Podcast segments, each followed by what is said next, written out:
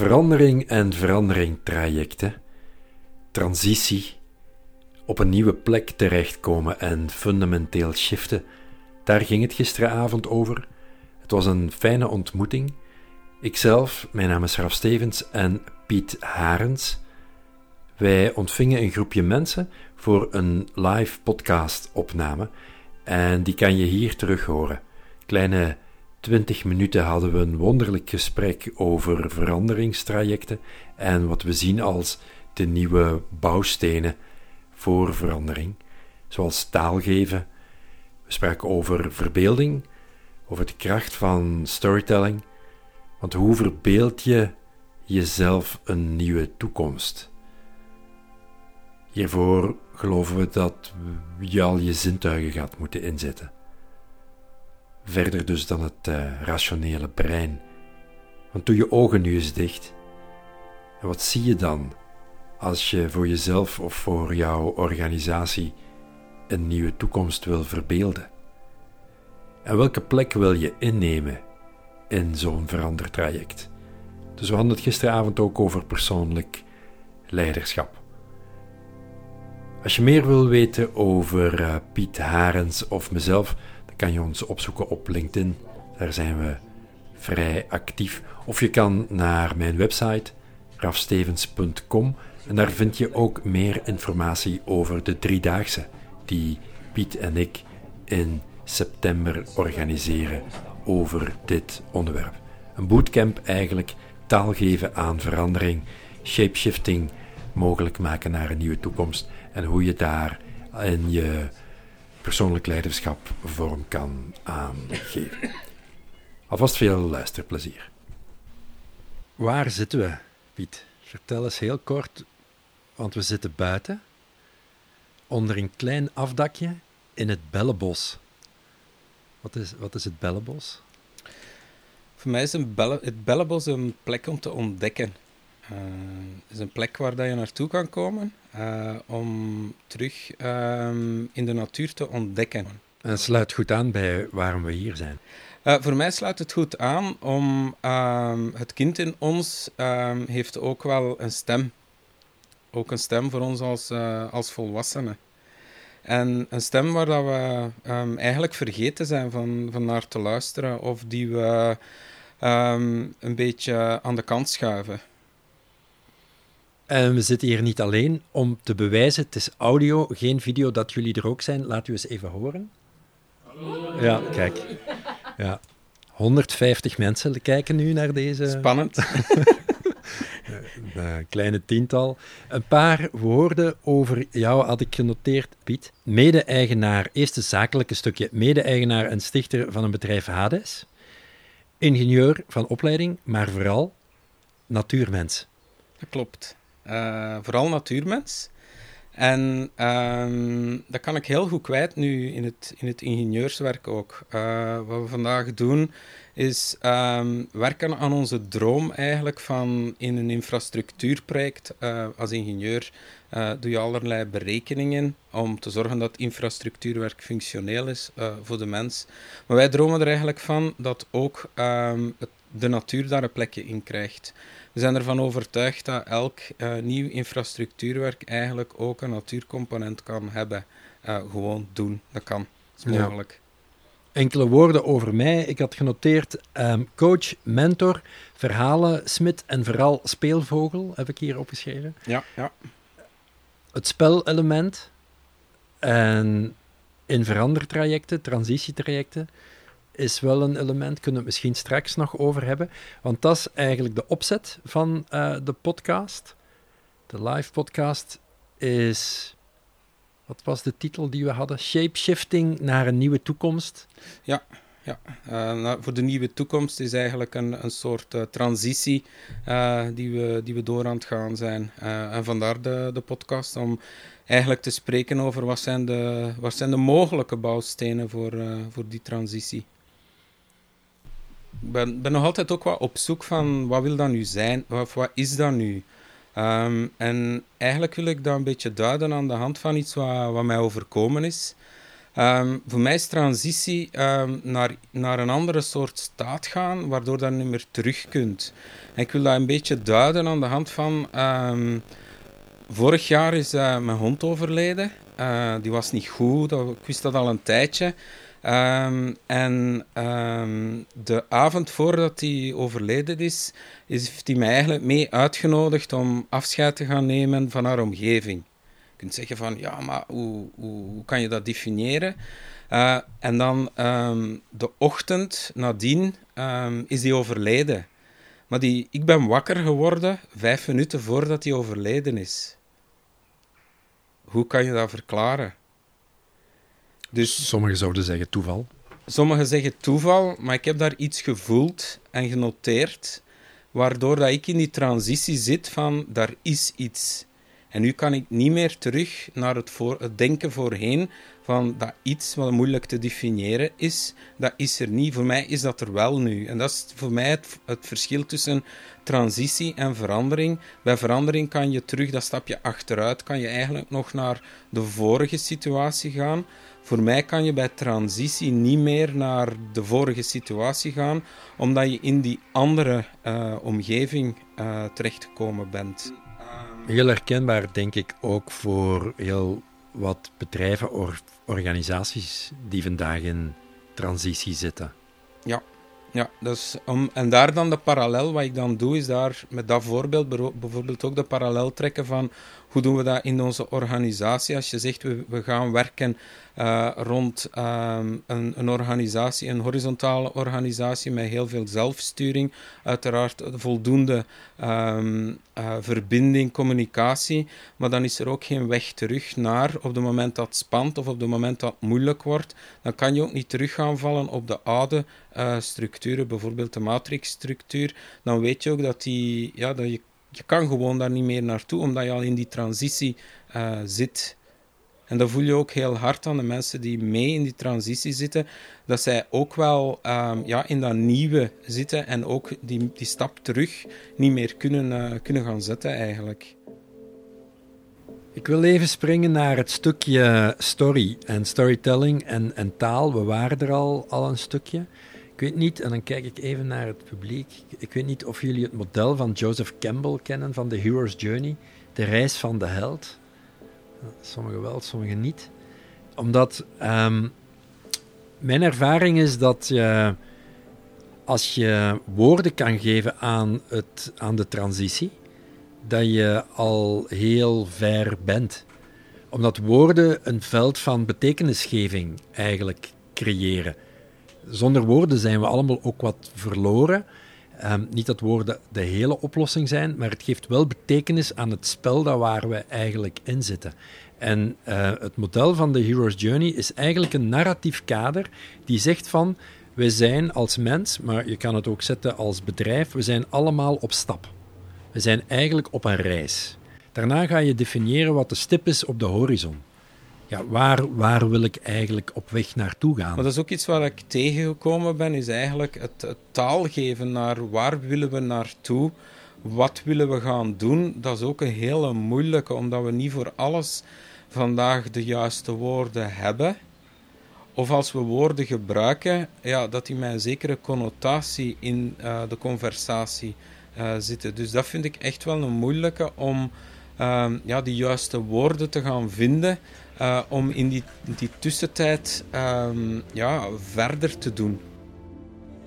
Heel veel bedrijven, heb ik de indruk, missen een taal van verbeelding als je kan verbeelden, je zegt altijd ook tegen lopers of mensen die aan tennissen, of zie het ding voor je ogen afspelen, alsof je al aan de finish zou zijn. Ver, verbeeld u de wereld alsof je er al bent. En als je daar een beetje in thuis bent, dan weet je dat jouw lichaam en jouw energie, en dan komen we op het zintuigelijke, eigenlijk jou automatisch meeneemt naar die plek. Hè? Ja. Door ze te verbeelden, ben je er eigenlijk al is misschien heel het bedrijf er nog niet, maar zij die het verbeeldt, is daar. Je bent niet fysiek op die plek in die verandering, maar heel veel van jouw energie is daar al. Ja, en dan juist door de vraag naar verbeelding uh, te stellen, ga je voorbij de taal gaan ook. Omdat je eigenlijk een automatisch ja, um, gebruik gaat maken van, van andere zintuigen in, in je verbeelding. Uh, moet je maar denken van... Um, ja, als je een, een vraag krijgt um, en je beantwoordt die met je ogen open of met je ogen toe, dan ga je een, een ander soort antwoord gaan krijgen omdat je met je ogen toe een, een, een, ander, uh, ja, een ander idee krijgt over, uh, ja. over het antwoord op je vraag. Ja, en het brengt mij tot het stukje van, van um, persoonlijk leiderschap. Het is een zwaar beladen woord vandaag, hè, het woord leiderschap, maar ik zou het eens willen veranderen gewoon door bijvoorbeeld verantwoordelijkheid. De, de verantwoordelijkheid die je neemt voor jezelf, de verantwoordelijkheid die, die je neemt voor de ander, de verantwoordelijkheid die je neemt binnen je familie, de verantwoordelijkheid die je neemt voor de VZW van het Bellenbos, de verantwoordelijkheid die je neemt voor, voor de kinderen, de, de verantwoordelijkheid die je neemt voor je vrienden. Welk persoonlijk leiderschap neem je daarin? Wat is de plek die je inneemt? Want in transitietrajecten, als je een toekomst verbeeldt ergens naartoe, gaat iemand de fakkeldrager moeten zijn. Ja. Gaat iemand zeggen: Ik weet de weg niet, ga misschien een beetje verloren lopen daar in dat bellenbos. Ik ben er nog nooit geweest. Maar ik ga. Ja, en daar komt ook opnieuw um, ja, het, uh, het stukje rond intuïtie uh, aan, aan te passen. Uh, we zitten vandaag in Bellenbos. Ik ben hier vooraf niet komen kijken van hoe ziet dat er hieruit? kunnen we wel doen wat we willen doen? maar je voelde dat dat de goede plek was. En ik denk ook als uh, in, in die transitie, in dat leiderschap, dat voelen, uh, is, gaat een hele belangrijke zijn van dat ook toe te laten. Maar ook om daarmee leren om te gaan. We, hebben, we komen eigenlijk uit, uh, uit decades waar dat voelen heel hard weggeduwd geweest is. Ehm, decades misschien zelfs langer. Waar het voelen ook ja, pejoratief behandeld geweest is. waar het geen plek krijgt. Terwijl als je daar leert ehm, dat ja, waarde te geven en naar waarde in te schatten, dat dat een, een heel waardevolle aanvulling is bij het soort leiderschap dat we vandaag al kennen. Ik heb zelf ook eens zitten nadenken van hoe, en hoe definieer ik leiderschap. Je hebt daar, van, daar juist al over verantwoordelijkheid gesproken. Um, eigenlijk kan ik het alleen maar uitleggen voor mij aan de hand van wat ik gedaan heb recentelijk. Uh, Zita die leert gitaar spelen. Die had een wat moeilijker stukje om te spelen. en het lukte niet. Ik was in de buurt. Um, wat je zou kunnen zeggen is van, ja, oefen het een beetje harder. probeer nog maar eens. Ik ben gaan kijken, ik ben naast haar gaan staan. en ik heb, um, ik, ik, las de, het was, het was een stuk waar ook tekst bij was. Ik stel haar voor van, wat als we het samen zingen? Ze keek naar mij, zingen? Wij kunnen toch niet zingen? Ik zeg, nee, wij kunnen niet zingen, maar we gaan dat zingen. En aan de hand van onze zang vond zij het ritme om het stukje beter in de vingers te krijgen. En dat is wat ik bedoel met hoe ik leiderschap wil invullen. Um, mocht je dat rationeel behandelen, dan zou je dan niet beginnen op die manier, want ik kan niet zingen, het gaat misschien niet helpen om dat stukje te kunnen spelen. Maar als je voortgaat op wat je voelt en um, de verantwoordelijkheid uh, bij haar laten, maar ondersteunend zijn en iets anders doen um, dan wat al geprobeerd is, ja, dat is hoe ik het uh, graag invul hoe ik het ook invul bij, bij Hades, uh, is, is die, die andere blik brengen, maar ook um, ja, um, er zijn en dat vertrouwen uh, geven. Ja, het doet mij denken, ik ga een stukje ervan vertellen van mijn persoonlijke transitie eigenlijk, want je sprak over voelen en zoeken en vinden. Ik was niet meteen van plan om het te brengen, omdat het zou wat uit de hand kunnen lopen, maar ik ga toch, uh, ik ga toch riskeren. Um, Weet je, ik denk dat het nu acht jaar geleden is dat ik echt compleet vast ben, ben gelopen. Ehm, en ik kwam dan bij mensen en ik kwam bij begeleiders en, en ik had eigenlijk al de woorden. En bij iedereen dat ik kwam, zei ze, ja, maar je hebt daar een goede blik op. Je gaat er wel uitkomen. Je hebt daar een goede analyse op. Je, hebt daar een helder zicht op. Je zegt het echt juist. Ik wil u hier nog wat op uitdagen, maar... En dat heeft zeker twee jaar geduurd. En dan, elke keer als mensen dat zeiden, dan dacht ik... Oh, dat is tof om te horen, maar waarom voel ik me dan zo slecht? En waarom gaat het eigenlijk niet beter? En uh, dat heeft bij mij gebracht dat ik eigenlijk uh, dieper in dat veld van het voelen ben gegaan en alles voorbij de woorden. Weet je, taal is een altijd een deel geweest van mijn werk. Hè? En storytelling en storytelling projecten. En dat was een periode dat ik gewoon genoeg had van mijn eigen woorden. Mm -hmm. En dan kom je in een veld dat je denkt, als je het niet moet uitleggen, waar liggen dan de oplossingen? En dan ben ik eigenlijk diep in dat zintuigelijke stuk gedoken. Niet omdat ik dacht dat ik het daar ging vinden. Maar wanneer ik toen, en ik denk wanneer iedereen, wanneer een bedrijf vast genoeg zit, wanneer je voelt, zo kan het echt niet langer. In het Vlaams zeggen ze dan, ik zit niet goed in mijn vel. Of een bedrijf zegt, ik zit niet goed in mijn vel je vraagt er bij manier van spreken ook naar, want je zegt ik voel er mij niet goed bij, mm -hmm. of ik zit niet goed in mijn vel. Dat vraagt ook voor een andere soort aanpak dan de irrationele aanpak ja. um, die, die dan klassiek uh, toegepast wordt. Maar dat beleven is ook wel, wel een belangrijke. Um, we, we leren heel vaak met de hersenen, maar we leren ook heel vaak met, uh, ja, met ons lichaam. Uh, zit, zit, ons, ons leervermogen zit, zit veel, veel breder dan, dan alleen in, in de hersenen. Uh, het gaat ook over, um, ja, bijvoorbeeld, uh, ik, ik voel elke dag aan mijn hond. Ik voel of dat die gezond is of niet. Um, als je dat repetitief doet, dan leer je een gezonde hond te voelen. En op het moment dat daar iets mis mee is, dan hoef je geen analyses uh, te laten doen, dan voel je het gewoon. Ja. Heel vaak hè, wordt dat weggezet als we gaan toch niet emotioneel doen. Ja. Um, terwijl in wezen, als jij mij dingen vertelt, dan voel ik in de kleur van jouw stem hoe het met je gaat of waar je bent en niet alleen op de inhoud van de boodschap. Ik denk dat daar een raakveld is hoe ga je met het zintuigelijke, met energie, waar jij je inspiratie haalt uit de natuur en het dierenveld, hoe breng je die informatie, tussen haakjes, hoe breng je die mee in persoonlijk leiderschap en in veranderen trajecten? Voorbij de woorden eigenlijk. Hè? Ja, en soms hoef je daar dan ook geen, geen rationele verklaringen voor te vinden. Um, als je iets, iets, iets waargenomen hebt, um, dan kan je daar iets mee doen. Um, ja, ga, ga maar eens in een wei staan en laat maar eens alle mensen van je bedrijf daar gaan staan tussen de paarden in een opstelling waar je bijvoorbeeld zegt van ga eens staan van hoe je voelt dat je in het project zit. Zo'n dingen eigenlijk. Ja, zo'n dingen eigenlijk. En, en dan uh, krijg je heel wat informatie die je met taal um, niet uitgelegd krijgt. Of ook door, door in het rationele te gaan, dat je eigenlijk een ander beeld krijgt. Want jij werkt met paarden of jij doet zelf opleiding met paarden. Wat, wat neem je daarvan mee in het, uh, ja, in het leven en in het werk? Er zijn verschillende dingen.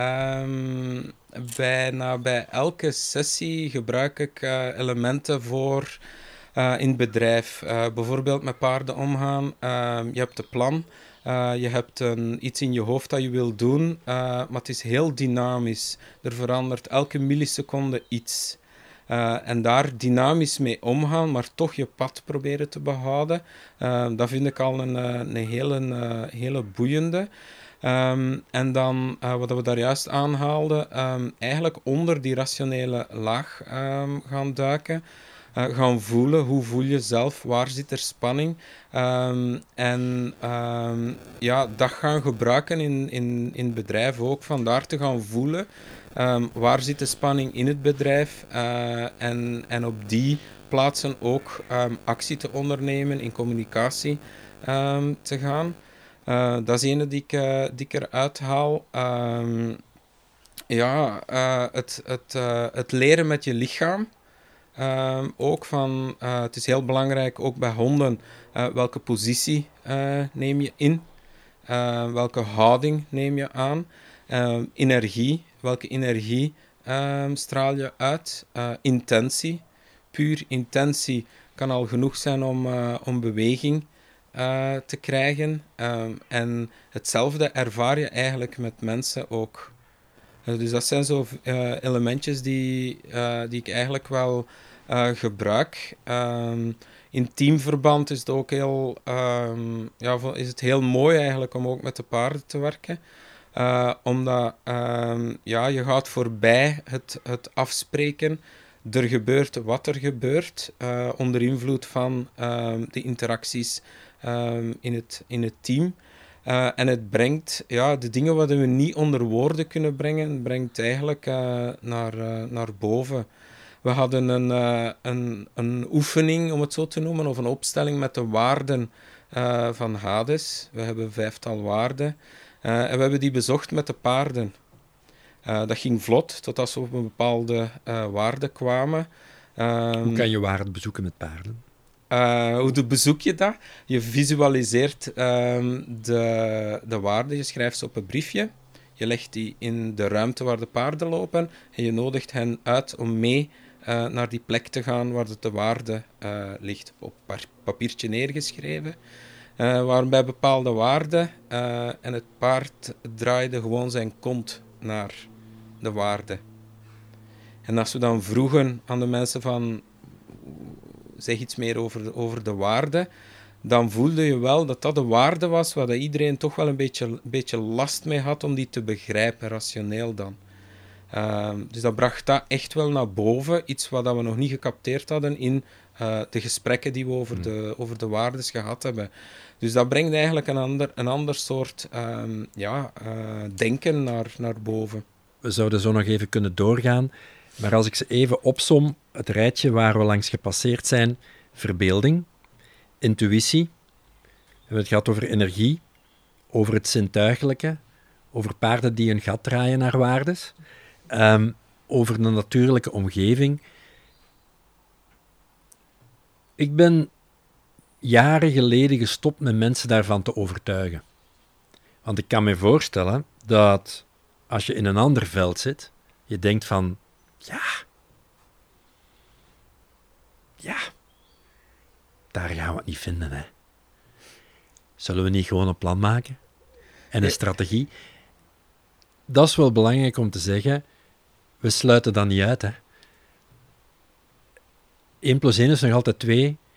Een analyse is een analyse. De tafels van vermenigvuldiging die moet je van buiten leren zoals die zijn. En als iemand een brug gaat bouwen, dan hoop ik dat een stabiliteitsingenieur dat berekend heeft, zodat die niet inzakt. Ja, voor dus mij gaat het echt daar ben ik het gewel... Voilà, daar zijn we fan van en we duwen dat niet weg. Nee. We zeggen alleen, daarbij, daar bovenop, daarnaast, is het ook interessant om met die andere elementen... Ja, die andere elementen te verbinden uh, met wat we aan het doen zijn. Ja. Vanuit het rationele. En dat is plezant. Zeker. De vlecht is zeer plezant.